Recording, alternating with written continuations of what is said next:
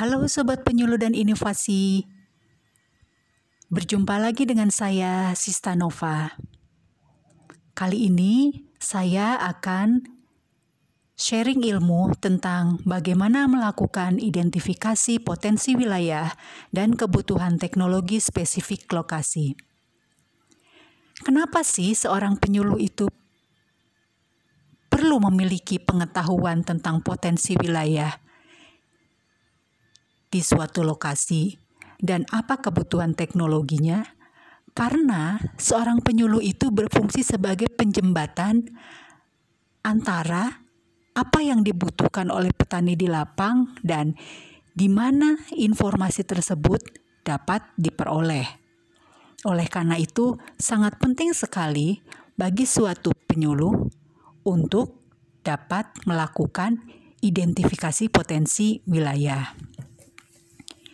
Mudah-mudahan ilmu atau materi tentang identifikasi potensi wilayah ini bukan merupakan materi baru bagi teman-teman. Nah, saya hanya merefresh ulang apa itu identifikasi potensi wilayah. Nah, poin-poin yang harus dilakukan dalam identifikasi wilayah itu antara lain yang pertama adalah status penggunaan lahan di suatu wilayah serta luas bakunya. Kemudian luas tanamnya, luas panen, produksi, dan produktivitas. Teman-teman juga harus mengidentifikasi populasi dan produksi ternak.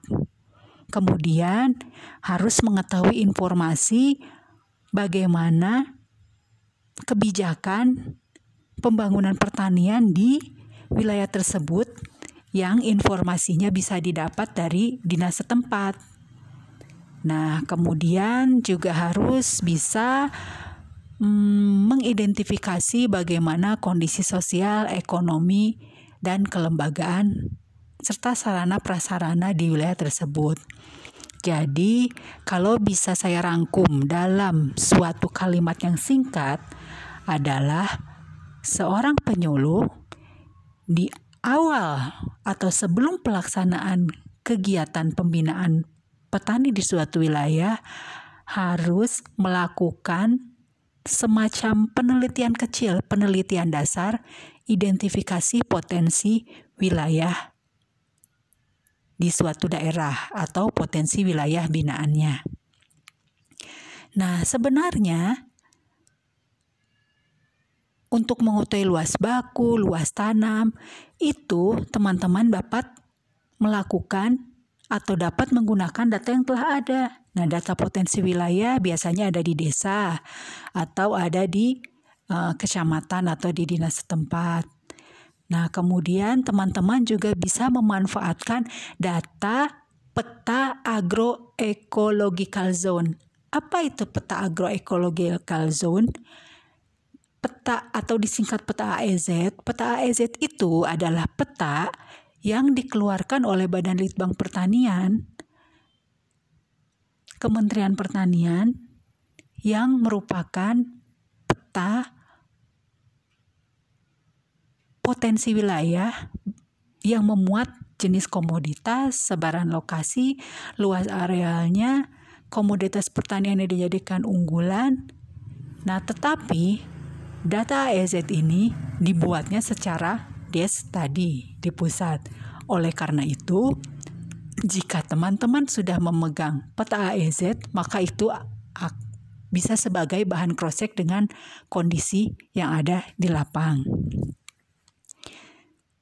Oke, nah kemudian setelah teman-teman mengidentifikasi potensi wilayah, kan akan tergambar tuh bagaimana prioritas komoditas unggulan di wilayah tersebut.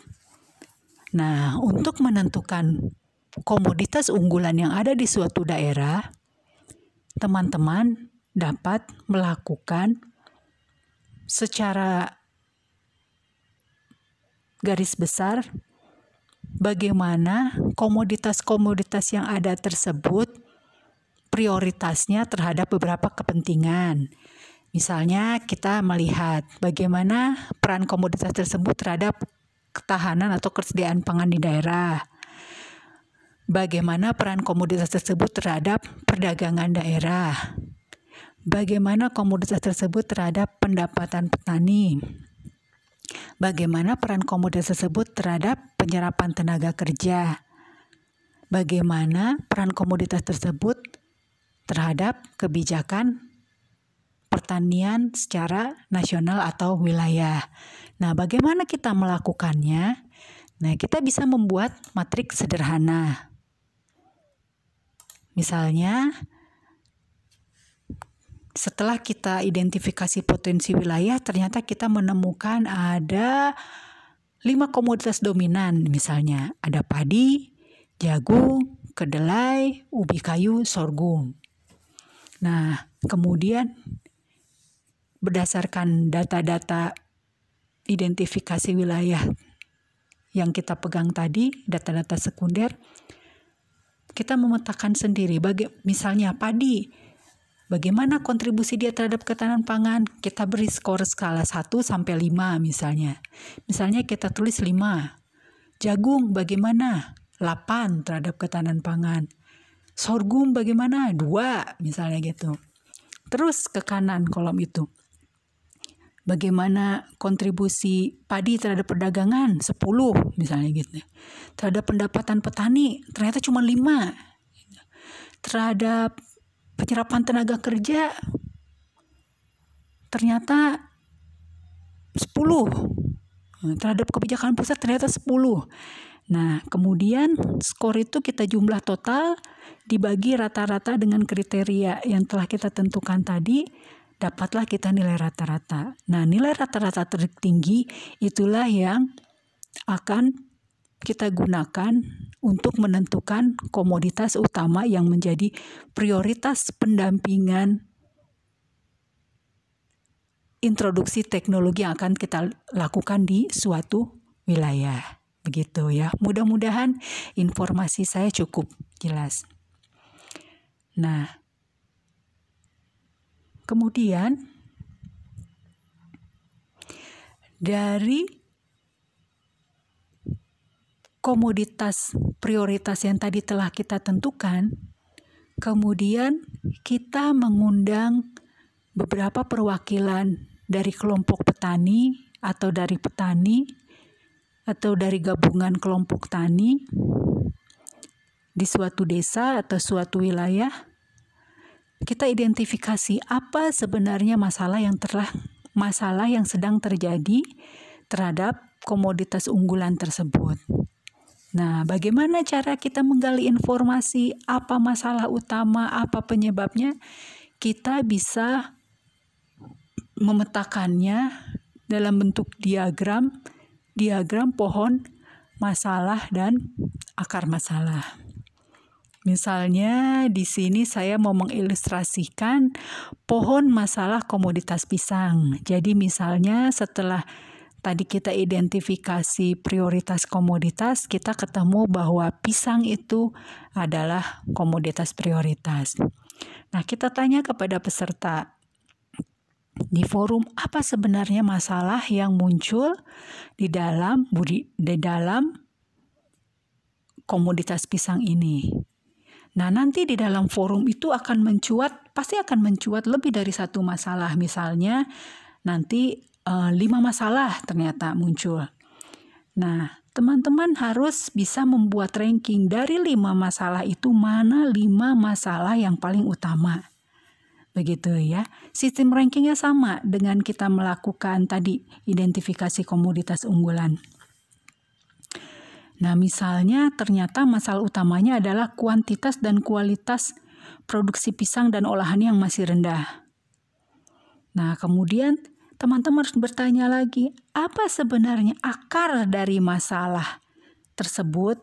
Misalnya kuantitas yang rendah, apa akar masalah dari kuantitas yang rendah itu? Ternyata misalnya yang pertama kita identifikasi areal penanamannya kurang, misalnya gitu. Kemudian apa akar masalah dari produksi yang rendah? Dari kualitas yang rendah apa misalnya? Ternyata teknik budidayanya belum optimal. Nah, kemudian apa akar masalah dari olahan yang masih rendah? ternyata penanganan segarnya belum optimal gitu. Nah, kemudian kita identifikasi lagi. Misalnya untuk produk olahan ternyata penanganan segarnya belum optimal. Apa penyebabnya belum optimal? Kita tanya lagi. Mungkin jawaban yang muncul adalah misalnya panen belum tepat, belum ada perlakuan pasca panen, pengepakan seadanya, transportasi seadanya. Nah, ini beberapa penyebab yang mungkin muncul dari adanya akar masalah tersebut. Nah, kemudian ya mudah-mudahan tergambar ya di dalam ilustrasinya teman-teman. Jadi uh, atau kalau tidak di search ya pohon masalah dan akar masalah. Jadi pohon masalah dan akar masalah itu yang utama kita tulis masalah utama apa. Kemudian kita gali apa akar masalahnya. Nanti ada beberapa poin. Kemudian setelah kita tulis akar masalahnya, kita tanya lagi apa penyebabnya. Nah, gitu ya. Nah, kemudian masalah ini nanti akan menimbulkan dampak. Di skup atasnya misalnya contohnya kalau misalnya tadi masalahnya kuantitas, kualitas dan produk olahannya masih rendah, dampaknya apa? Dampaknya misalnya pendapatan petani berkurang, belum bisa ekspor, konsumsi pisang rendah, misalnya seperti itu ya. Nah, setelah teman-teman mengidentifikasi apa penyebabnya, nah ini yang bisa kita transpose. Apa ya bahasa bahasa ringannya transport itu. Kita balik. Penyebab ini adalah menjadi sesuatu pendekatan yang bisa kita lakukan untuk mengintroduksikan teknologi sesuai dengan kebutuhan permasalahan yang ada di lapang. Begitu pola pikirnya ya. Kita gambarkan lagi dalam suatu kolom. Misalnya kita tulis, misalnya masalahnya apa? Misalnya tadi budidaya masih rendah. Oke, kita bikin kolom di sini. Alternatif teknologinya apa? Introduksi budidaya teknologi penanganan hama organik, misalnya secara itu. Kemudian dibikin di kolom satu lagi. Ketersediaan teknologinya bagaimana di lapang, apakah tersedia lokal atau harus diintroduksi dari tempat lain. Nah, kemudian sumber teknologinya dari mana? Nah, itu teman-teman identifikasi. Nah, itu masalah pertama. Masalah kedua, tadi ternyata pasca panen belum optimal. Oke, alternatif teknologinya kira-kira apa yang bisa diintroduksi gitu loh. Gitu jadi sekuensnya ya. Kemudian Oke. Okay. Uh, eh, sudah habis ternyata penjelasan tentang bagaimana melakukan identifikasi potensi wilayah dan kebutuhan teknologi.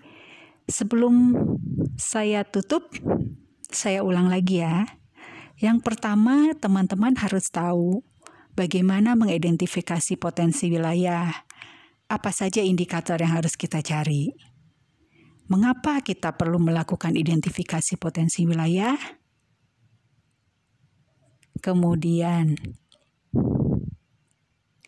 bagaimana kita melakukan pemeringkatan komoditas unggulan? Kemudian, bagaimana kita menentukan permasalahan yang pada akhirnya kita balik menjadi itulah celah-celah bagi seorang penyuluh pertanian untuk mengintroduksikan teknologi. Kira-kira demikian sharing ilmu yang saya sampaikan pada kesempatan kali ini. Sampai jumpa di lain kesempatan, tetap semangat dan selamat berinovasi. Sampai jumpa.